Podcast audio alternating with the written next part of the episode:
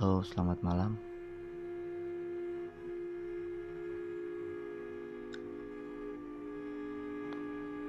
Ini adalah podcast pertama gua di mana gua namakan hantu kebun karena kebanyakan hal-hal yang akan gua bagiin di sini seputar itu, seputar hantu-hantu yang ada di kebun-kebun dalam arti dekat dengan kehidupan.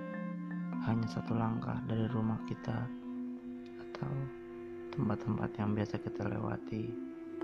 Bahkan kejadian-kejadian supernatural yang ada di sekitar kita nggak jauh dari kehidupan kita. Baiklah kita mulai